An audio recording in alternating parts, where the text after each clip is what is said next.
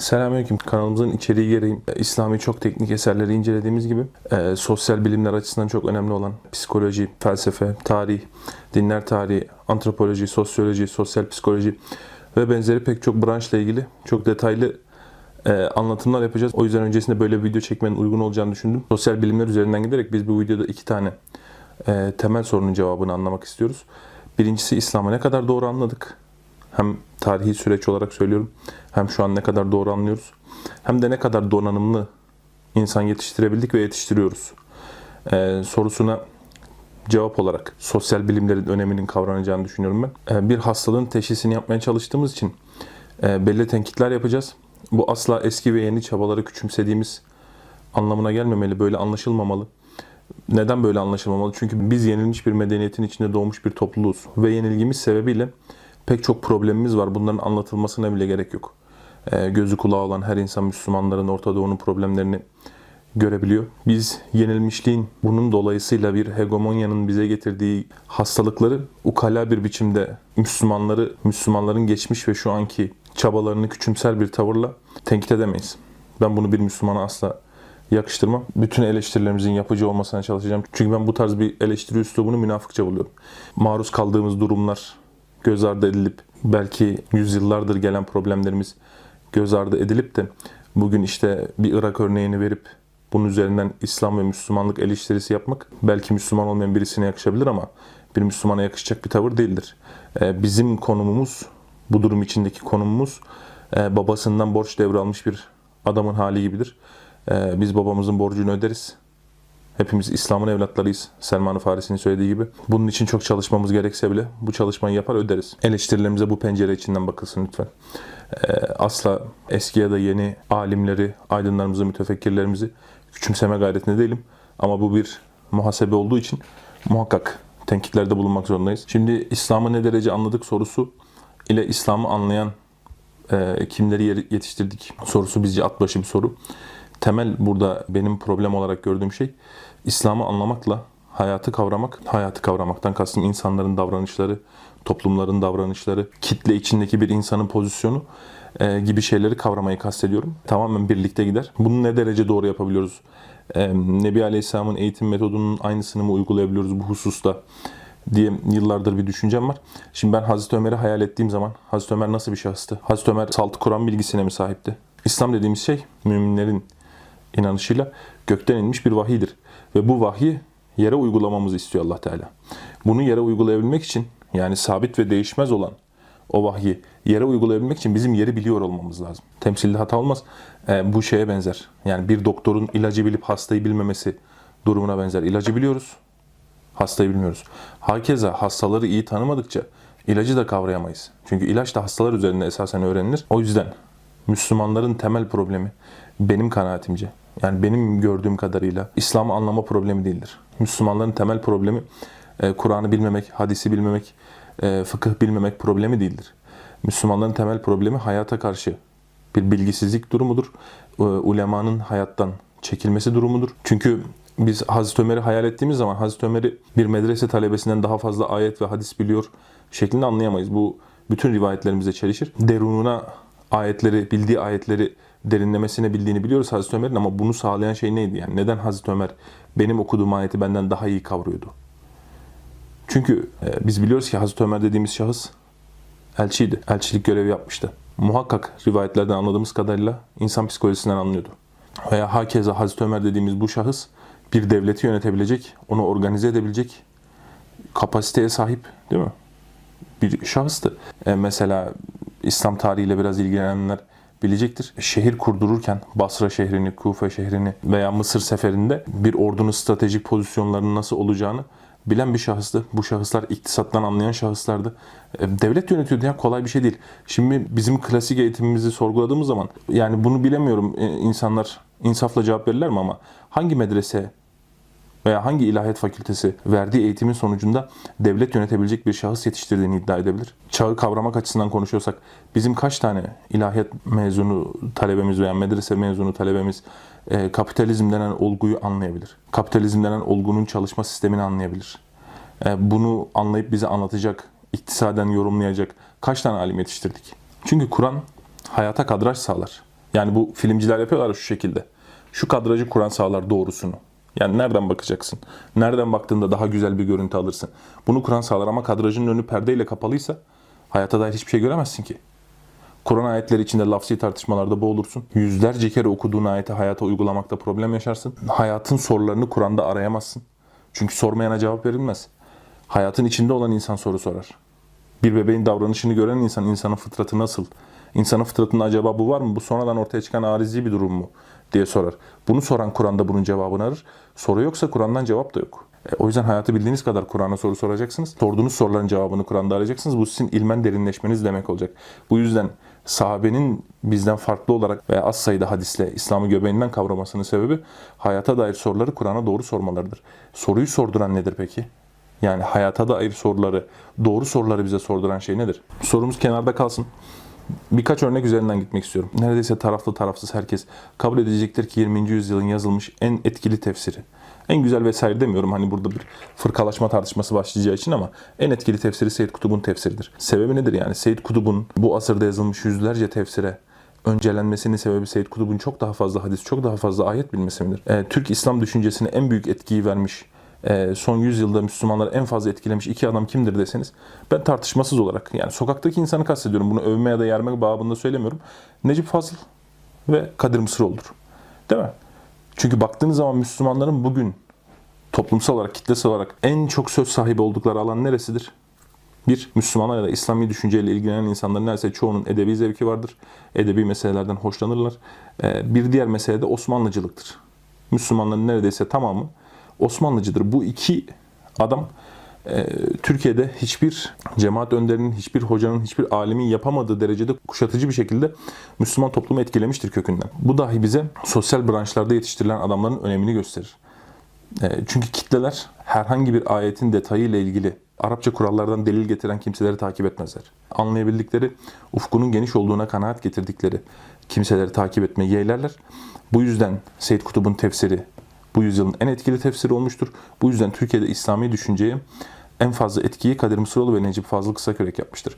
Ki bunların ilmi kapasiteleri pek çok alimin ilmi kapasitesinin altındadır. İlmi kapasiteyle bizim ıstılahta kullandığımız anlamı kastediyorum. Kur'an'da ilim salt bir ezber ve tekrardan ibaret değildir. O yüzden ben bu şahısları alim değil diye tenkit etmeyi doğru bulmuyorum. Hakeza şunu da söylemek zorundayım. Ee, Türkiye'de alim vasıflı olarak yetişen kimseler yani medrese mezunları, ilahiyat fakültelerinde hocalık yapan kimseler ve ilahir e, bunların tamamı Necip Fazıl ve e, Kadir Mısıroğlu'nu takip etmek zorunda kalmışlardır. Baktığınız zaman Türkiye'de alim olarak yetişen herkes Osmanlıcılık düşüncesine sahiptir. Bunu sorgulamaz. Ve e, Necip Fazıl'ın tebaadır, tabidir, etbaadır neredeyse. Fikirsel olarak. Ve hatta şunu söyleyebilirim. Türkiye'de öyle bir duruma gelinmiştir ki sosyal bilimlerde kendisine alimlik vasfı verdiğimiz kimselerin fikri zayıflığından dolayı e, neredeyse yani Kur'an'ı salt işte fıkhi tartışmaların yapılacağı, vaaz edilecek vesaire bir kitap olup hayata yön verme konusunda Necip Fazıl'ın fikirleri e, uygulanır haldedir bugün Türkiye'de. Metot Necip Fazıl metodudur. Hedef Kadir Mısıroğlu'nun hedefidir. Ben bu iki şahsı küçümsemek için söylemiyorum. Tekrar başta söylediğim uyarıyı tekrar söylüyorum. Bu iki şahıs dönemleri içinde hizmet etmişlerdir. Sosyal bilimlerle ilgili bize iki kapıyı açmışlardır. Fakat sosyal bilimlerin öneminin buradan anlaşılması açısından söylüyorum. Necip Fazıl'ın kendisine talebe olamayacağı düzeydeki alimler Necip Fazıl'ın fikirlerini siyasi sahada uygulama misyonu edinmişlerdir kendilerine. Bu sosyal bilimler bilen İslami kültüre sahip kimselerin ne kadar fonksiyonel ve önemli olduğunu gösterir. Çünkü onlar fikir alimler fikirleri olmadığı konularda onlara tabi olmak zorunda kalmışlardır ki fikirleri olmadığı konular hayatın göbeğindeki konulardır. Yani siyasi organizasyon, siyasi tavır, konuşma üslubu, hareket tavrı ve benzeri meselelerin tamamında bu şahıslara bağlı ve etba kalmak zorunda kalmışlardır. Bu yüzden İslami eğitim, İslami ilimler asla sosyal branşlardan koparılamaz. Çünkü mevzu insandır toplumdur. Toplumun içindeki insandır. O halde biz doğru soruları sormak için başka soruları, başkalarının sorduğu sorulara bakmak zorundayız. Yani illa ben e, şunu söylemiyorum, bu yanlış anlaşılmasın. E işte psikoloji okuyun ne duyarsanız doğru kabul edin ki bu meseleyi detaylanacağım. Sosyoloji okuyun ne duyarsanız doğru kabul edin değil. Ama psikolojide duyduğunuz bir soru sizin Kur'an'ı anlamanıza yardımcı olacaktır. Sizde hiç olmayan bir başlık açacaktır. Bu yüzden Müslümanlar yani tabii ki burada son yüzyılın muhasebesini acımasızca yapmak tekrar söylediğim gibi doğru olmaz. Hani Müslümanların Türkiye'de geçirdiği süreçler ciddi süreçlerdir. E, fakat ben hani burada bir tenkitten ziyade bir değişim için bunu anlatmaya çalışıyorum. Ee, Cemil Meriç İslami yazılar yazmaya başladığında veya 1974'ten sonra bu ülkesinden sonra yazdığı yazılardan sonra Müslümanlar Cemil Meriç'in üzerine üşüşmek zorunda kalmıştır. Esasında Cemil Meriç çok İslami bir yazı tarzı olan bir yazar değildir. Bizdeki e, sosyal bilimler konusundaki boşluk e, her gördüğümüze yapışmak gibi bir durum yaratmıştır bizde. Oysa şu muhakkak bir gerçektir. Yani şunu bilmek gerekir. İnsanlık tarihi bunun örnekleriyle doludur. Fikirsel olarak güçlü olmayan organizasyonlar, ideolojiler, e, dinler, ne derseniz deyin ismini ve topluluklar e, konjöktüre tabi olurlar. Konjöktür onları kanalize eder. Konjöktürü ise fikirsel olarak güçlü olan belirler. Çünkü fikirsel olarak güçlü olmak belli bir süre sonunda siyasi ve iktisaden güçlü olmayı peşinde getirir ve halk kitleleri güçlü olanı takip eder. İslam'ın e, Türkiye'deki tarihi seyri bile bu söylediğimiz şeyi doğrular. 60'lar öncesinde e, milliyetçilikle beraber e, serbest olduğu için milliyetçilikle beraber görünen İslam e, 60-80 arası süreçte komünizmin çok artan etkisi e, ve komünizmin o pratize hareket şuurundan dolayı Müslümanlar da silahlı hareketlere, eylemsel hareketlere yönelmişlerdir. 79'larda e, İran devriminin etkisiyle İrancı olan İslami hareket 80 sonrasında Özal döneminde kapitalist, liberal müteahhitlere dönüşmüştür. Ve bugün gelinen süreçte biz hala görüyoruz İslami düşünceye yön veren şey konjöktürdür. Engelleyebilmemiz için kendi fikrimizi oluşturmamız, dünyayı kendi gözlerimizle görmemiz, bize anlatılanla değil tamamını algılayıp yorumlayabilecek hale gelmemiz gerekir. En azından Müslümanların alimleri olan kimselerin böyle olması gerekir. Çünkü e, biz şunu biliyoruz. Hazreti Ömer'in, Hazreti Ali'nin, Hazreti Osman'ın, Hazreti Ebubekir'in öncelikleri salt bir amel, amel önceliği değildi. Bir ilim öncelikleri vardı. Çok inanılmaz yerlerde inanılmaz kritik kararlar verebiliyorlardı. Yani biraz sahabe ve tabi'in rivayetlerine bu şekilde baktığınız zaman kitlelerin psikolojisinden, kitlelerin davranışlarından, insanların davranışlarından ne derece anladıklarını çok temel e, meseleler hakkında yani e, o çağın İslam birikim değil ama diğer birikimler açısından çok daha önünde olduklarını anlayacaksınız rivayetlerden. Çünkü bizim e, kendimize ait fikirlerimiz olmadığında reaksiyoner olmak zorunda kalıyoruz. Reaksiyonerden kastım nedir? Müslümanlar için yeryüzünde sanki iki seçenek kalıyor gibi oluyor. Birincisi Batı medeniyeti ve onun getirdiği her şeye bütünüyle boyun eğerek iman edip Kur'an'ı ve sünneti tamamen e, tahrif etmek, eğmek, bükmek.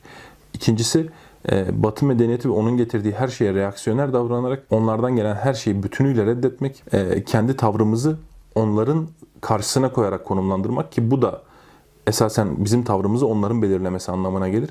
Reaksiyoner e, fikirler esasen bir fikir de sayılmaz salt bir düşmanlıktır. Bizim kendi tavrımızı belirleyecek rüşte ulaşmamız gerekir. İnsanla ilgili, toplumla ilgili soru sorduğumuzda cevap alabileceğimiz alimler yetiştirmemiz gerekir. Yani mesela burada insanla ilgili soru dediğim zaman sürekli aynı şeyi söylüyormuşum gibi geliyor ama bir şahsa dediğinde insanın içindeki şiddet eğiliminin sebebi nedir? Sence neden kaynaklanır insanın içindeki şiddet eğilimi? Veya bu fıtri midir? Sonradan mı ortaya çıkmıştır? Dediğimizde bir cevap alabiliyor olmamız lazım bir alim şahstan. En azından bunu düşünmüş olması lazım daha önceden. Cevap verememiş olsa bile. Ben bu konuda arada kaldım ama şöyle şöyle şöyle şöyle geliyor diyebiliyor olması lazım ama bu meseleyi düşünen bizim alimimiz yok. Bu mesele diye bir gündemimiz yok. Kur'an'da böyle bir şey aramıyoruz. İnsanı anlamaya çalışmıyoruz Kur'an'dan. Kadınlar hakkında konuşuyoruz. Çocuklar hakkında konuşuyoruz. Fakat bunlarla ilgili hiçbir şey düşünmüyoruz. Yani bir kadını erkekten ayıran şey nedir? Kadının fıtri özellikleriyle erkeğin fıtri özellikleri arasındaki fark nedir dediğimiz zaman eble heble gülüp işte kadın süslenir erkek süslenmez filan gibi ahmak ahmak cevaplarla birbirimizi avutuyoruz. Veya Müslümanlar neden bu hale geldi diye sorduğumuz zaman karşımızdaki şahıs yani alim diye bildiğimiz şahıs bize e, bir yorumda bulunuyor. Ve fakat başka hiçbir ülkenin tarihini okumamış. Yani Müslümanların tarihini biliyor. Neyi neyle kıyasladın yani? Koca bir tarih teorisi inşa ediyorsun. Başka hiçbir toplumun yıkılması sebeplerini araştırmadın. Başka hiçbir ülkenin tarihini bilmiyorsun. Hakkında konuştuğun ülkenin tarihini de bildiğini varsayıyorum. Yani Osmanlı tarihi bildiğini varsayıyorum. Ne bileyim işte daha evvelinde Arap tarihini, Emevilerin tarihini, Abbasilerin tarihini, Fatımi devletini biliyor olduğunu varsayıyorum. Bu halde bile neyi neyle kıyasladın? Yani ne bileyim bir Rus tarihi okudun mu mesela? Rusya'nın geçirdiği dönemeçlerle bizimki arasında bir benzerlik var mı? Aynı durumları yaşadık mı acaba? Bunları bilmeden nasıl tarih yorumu inşa edebilirsin? Veya İslam hakkında konuşacaksınız. Cahiliyeyi bilmeden İslam hakkında nasıl konuşabilirsiniz? İslam dediğiniz şey, İslam dediğimiz öğreti, pagan bir topluma inmiştir. Putperest bir topluma inmiştir. Bunların puta tapmalarının altyapısı neydi? Nasıl puta tapıyordu bunlar? Yeryüzüne diğer puta tapanlarla aralarında bir fark var mıydı? Bütün halinde, bütün ülkelerin, bütün coğrafyaların putperestliği, paganizmi, Arap cahiliyesinden, Arap paganizminden farklı mıydı? Yani bunu birbiriyle kıyaslamadan biz nasıl anlayabiliriz İslam'ı? Hazreti Ömer'in meşhur sözüdür. Cahiliye bilmeyen İslam'ı bilemez. Cahiliye bilen alimimiz var mı? Bizim paganizmi bilen alimimiz var mı? Veya e, bu tabirden hoşlanmıyorum kolay anlaşılsın diye söylüyorum. Radikal gruplar dediğimiz gruplar ya, İslami hareket şöyle olmalı, İslami hareket böyle olmalı, şöyle şöyle yapılmalı. Yani e, kitlelerin hareketleriyle ilgili ne düşündünüz bugüne kadar? Yani bir toplumu harekete geçiren şey nedir? Velhasıl kelam biz bu donanımda kaç adam yetiştirdik? Bir iktisatçının karşısına oturup faizi anlatabilecek kaç tane alimimiz var bizim? Yani alim dediğimiz şahıs ayet-i celleyi okuyup bırakan adam mıdır? Yoksa onun hikmetini anlayan adam mıdır? Eğer hikmetini anlamaya gerek yoksa faizin topluma verdiği zararları biz öğrenemeyeceksek, bireye verdiği zararları öğrenemeyeceksek, bunun üzerine konuşamayacaksak bizim ilmimiz ne? Biz neyini öğreniyoruz? Yani Bakara suresindeki ayetleri okuyup ne anlıyoruz biz?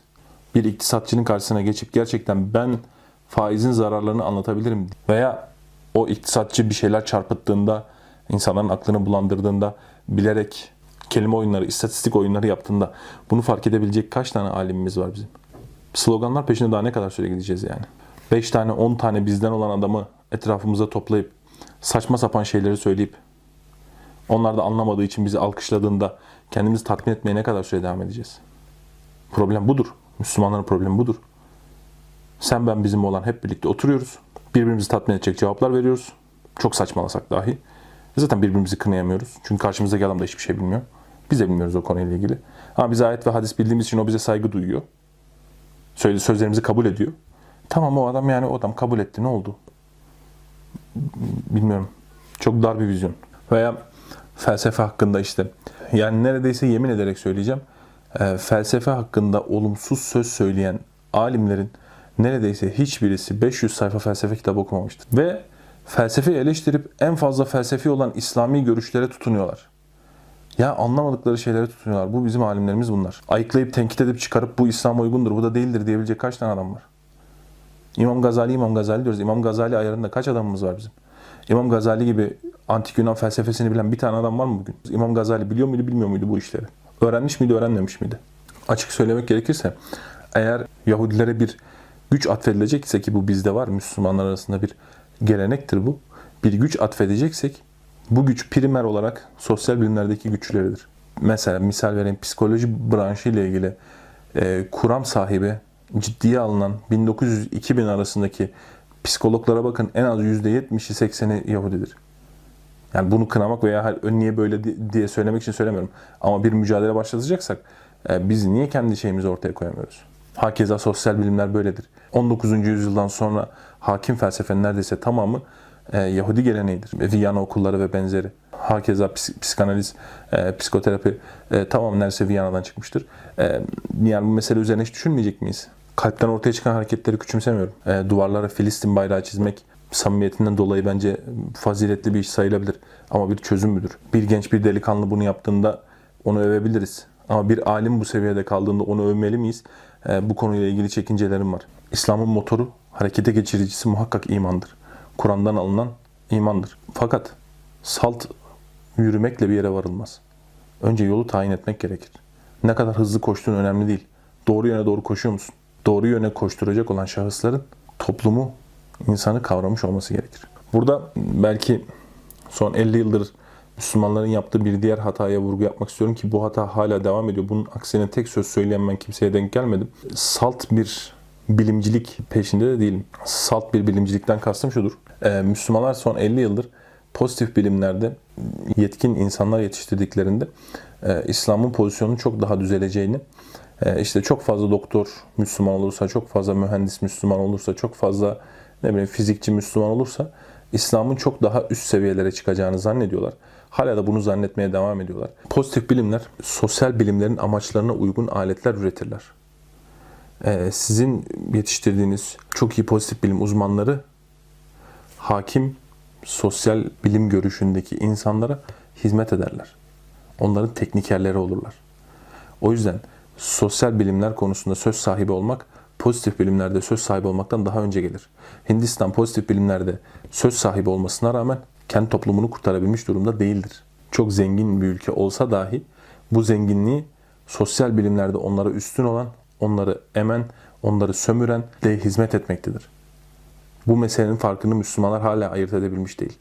Bizim kendi tarih yorumumuzu yapabiliyor olmamız, kendi felsefi yorumumuzu yapabiliyor olmamız, kendi sosyolojik, psikolojik yorumumuzu yapabiliyor olmamız doktor, mühendis, avukat ve benzeri şeyler yetiştirmemizden çok daha öncelikli bir problemdir. Bizim yetiştirdiğimiz doktorlar, mühendisler, fizikçiler, e, biyolojiciler ve benzeri içinde barındıkları, onları kuşatan düşüncenin etrafında düşünmek zorunda kalırlar. O yüzden esas problemimiz sosyal bilimler konusudur. En azından ben böyle görüyorum problemi.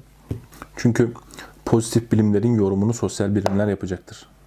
Yani sizin bulduğunuz herhangi bir kuramın sonucunu sosyal bilimler yorumlayacaktır. Bu yorum, bu işler yorum aşamasında daima bizim aleyhimize dönecektir. Ve fakat biz bunun yorum olduğunu bile fark edemeyeceğiz. Çünkü bilimin önemi konusunda bir tartışma yok. Kimse arasında yok. Yani ben inanılmaz derecede bilim dediğimiz şeyi önemseyen bir insanım. E, fakat bugün Müslümanların mesela esas problemlerinden birisi veya sadece Müslümanların değil, bugün esas problemlerden bir tanesi bilim olanla olmayanı ayırma meselesidir. Yoksa bilimin öneminde hiç kimsenin ihtilaf edeceği bir şey yok. Yani gördüğüm bir olgu bilim. Açık ispatlanabilen bir şey.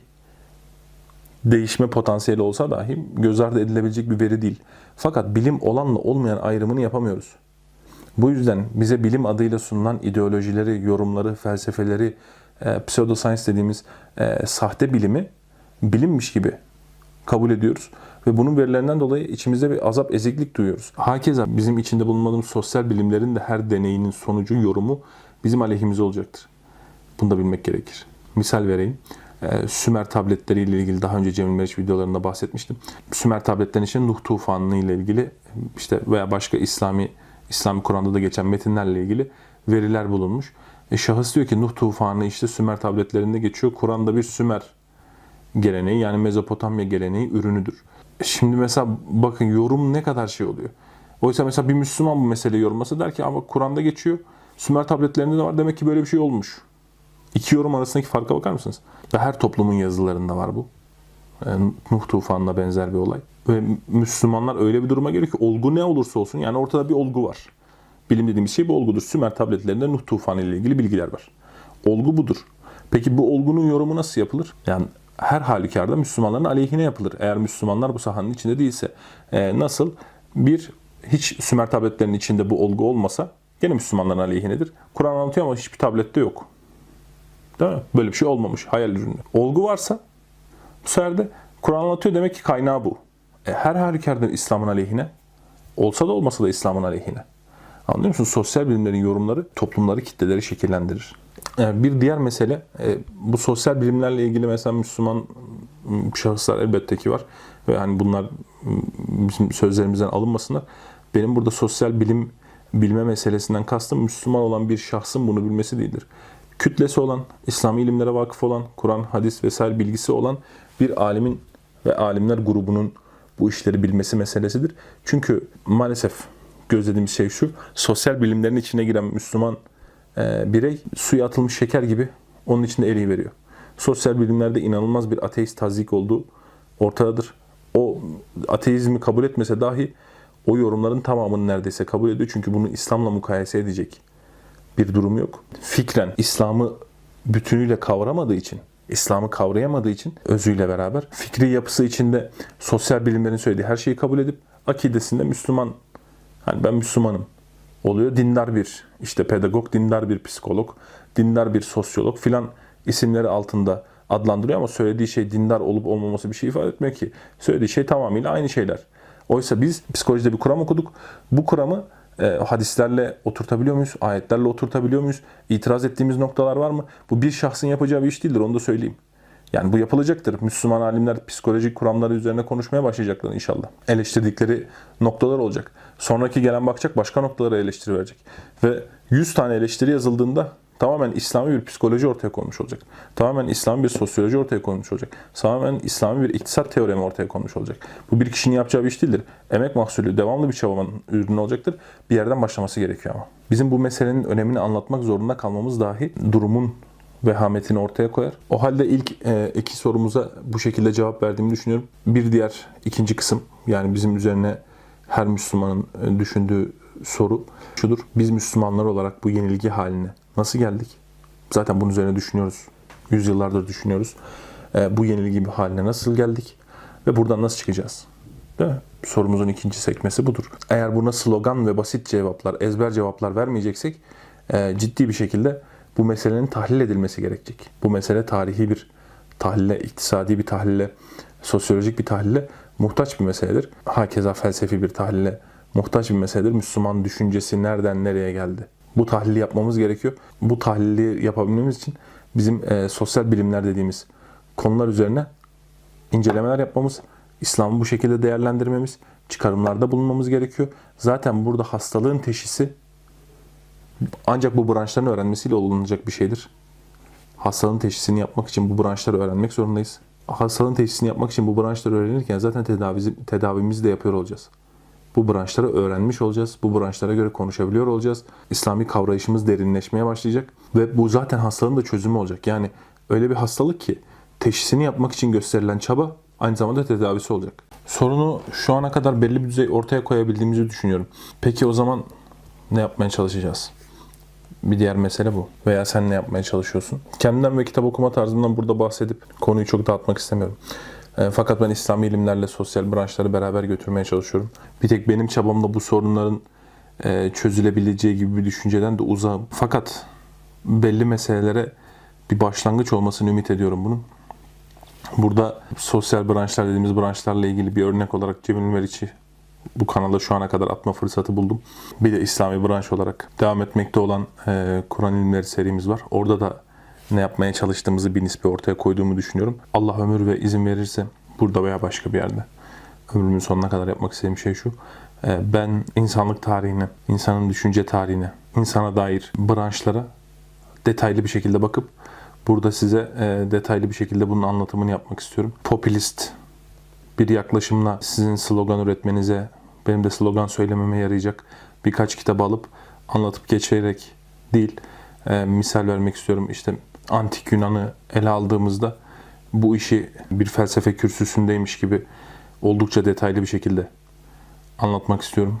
Yani ne bileyim işte Sofokles'in şiirlerinden başlayarak yani sadece Homeros değil Sofokles'in şiirlerinden, Euripides'in şiirlerinden başlayarak antik Yunan metinlerinin tamamını, ulaşabildiğim tamamını diyeyim en azından teker teker teker burada incelemek istiyorum. Psikoloji yani yakın dönemde yapacaklarım bunlar en azından.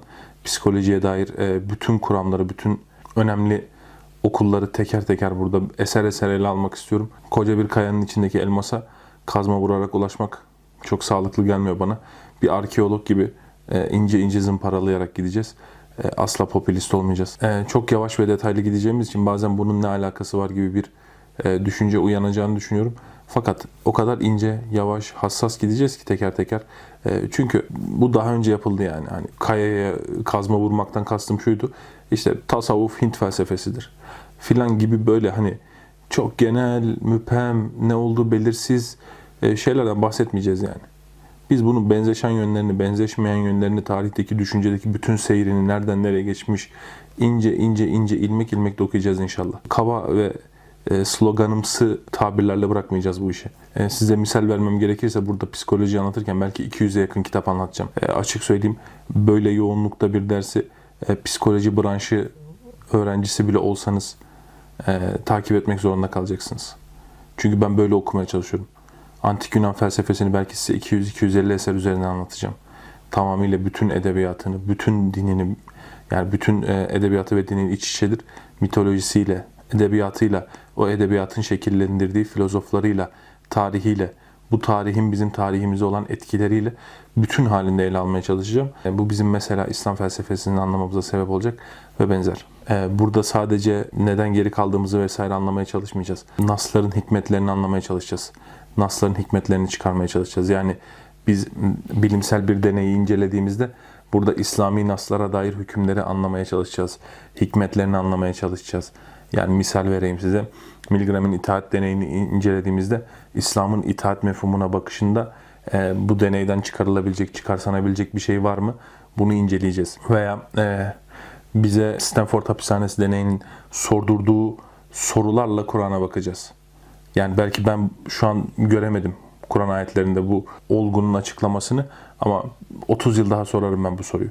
Benim için problem değil. Kur'an'a daha fazla soru sordukça daha fazla öğreneceğiz. Az soru soruyoruz Kur'an'a. Birkaç tane sloganik tartışma, birkaç tane mezhepsel ihtilaf, e, birkaç tane gündelik hayata dair Müslümanları yereceğimiz ayet, e, birkaç tane vaaz ayeti ve bunlar bize yetiyor. Kur'an böyle anlaşılacak bir kitap değil. Kur'an'a 100 bin soruyla yaklaşacağız. 1 milyon soruyla yaklaşacağız. Belki 20 bin tanesine cevap bulacağız ama en fazla cevap bulan biz olacağız. Benim bakış açım bu. Ne kadar fazla soru sorarsak o kadar fazla cevap alacağız Kur'an'dan. En nihayetinde şunu söylemek isterim. Bu yapmaya çalıştığımız şey bizim yapmaya çalıştığımız kapsamda denenmemiş bir şeydir. Yani sosyal branşların tamamının İslami bakışla tekrardan yorumlanması. Bu daha evvelinde sloganlarla yapıldı, naslarla değil. Ayet ve hadislerle değil. E, veya ilgilenilen branşın detaylıca incelenmesi, sözünün kavranılmasıyla yapılmadı. En, en nihayetinde de sonuçta her şeyi Yahudilere bağlayan e, bir sosyal kültür oluştu aramızda. E, sen hasta olduysan bu senin bünyendeki zayıflıktan kaynaklanır. Sağlıklı bir bedende hastalık olmaz. E, hastalık kanser hücresine bağlanmaz. Bünyenin sağlıksız olmasına bağlanır. O yüzden biz burada hani böyle kolaya kaçıp slogan üretme peşinde olmayacağız. Bu şekilde de yapılmadı. Müslümanlar bunu bu şekilde yapmadılar. Fransız devrimini yorumlarken Fransız devrimiyle ilgili detaylı okumalar yapmadılar. Fransız devrimiyle ilgili detaylı okumalar yapanlar da ayetlerle ilgili detaylı okumalar yapmadı. Biz bunun ikisini beraber götürmeye çalışacağız. Eğer Kur'an hayata yön verecek, hayatı anlamamızı sağlayacak bir kitapsa ikisini birlikte götürmeye çalışacağız. Ve felsefeyi incelerken felsefeye İslamca bakacağız. Değil mi? İslam felsefesi değil. Değil mi? Müslümanların İslam felsefesi diye bildiği şey Yunan felsefesinin sarık giydirilmiş halidir. Bir orijinalitesi yoktur. İslam'dan köken almamıştır. Oysa e, İslam felsefesi denen şey nedir? İslam'ın kendi düşüncesidir. Değil mi? İslam'ın varlık düşüncesi, İslam'ın epistemolojisi, bilgi kaynakları, gayba dair bakışı, gaybın bilgi kaynağı olarak ele alınışı, e, ne bileyim işte ahlak felsefesi ve benzeri meseleler İslamca inşa edilmedi. Batı felsefesi, Aristo, Platon'dan gelen gelenek, e, İslami birkaç tane metaforun içine sokulması, isimlerin İslami anlamlarla değiştirilmesi ve benzeri haliyle Arapça yazı olduğu için İslam felsefesi adlandırıldı. E, biz bu meselede e, bir derinlik oluşturmaya çalışacağız. Bu söylediğim çok kaba bir tabir oldu ama teker teker Allah izin verirse İbn Sina'nın eserlerini, Farabi'nin eserlerini, Muhiddin İbn Arabi'nin tüm eserlerini ve benzerini hepsini ele aldığımız zaman göreceksiniz bu meselelerin de detayını. Biz burada İslam felsefesi denen o kaba bilinen tabirin içinde değiliz. İslam felsefesi denince benim anladığım şey İslam'ın kendi görüşüdür. Ayet ve hadislerden istinbat edilen varlık görüşüdür. Ayet ve hadislerden istinbat edilen epistemoloji görüşüdür. Bunu yapmaya çalışacağız inşallah.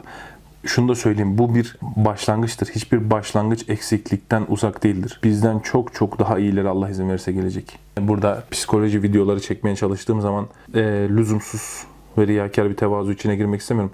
Gerçekten ciddi bir şekilde e, bu işi ele aldığımı göreceksiniz.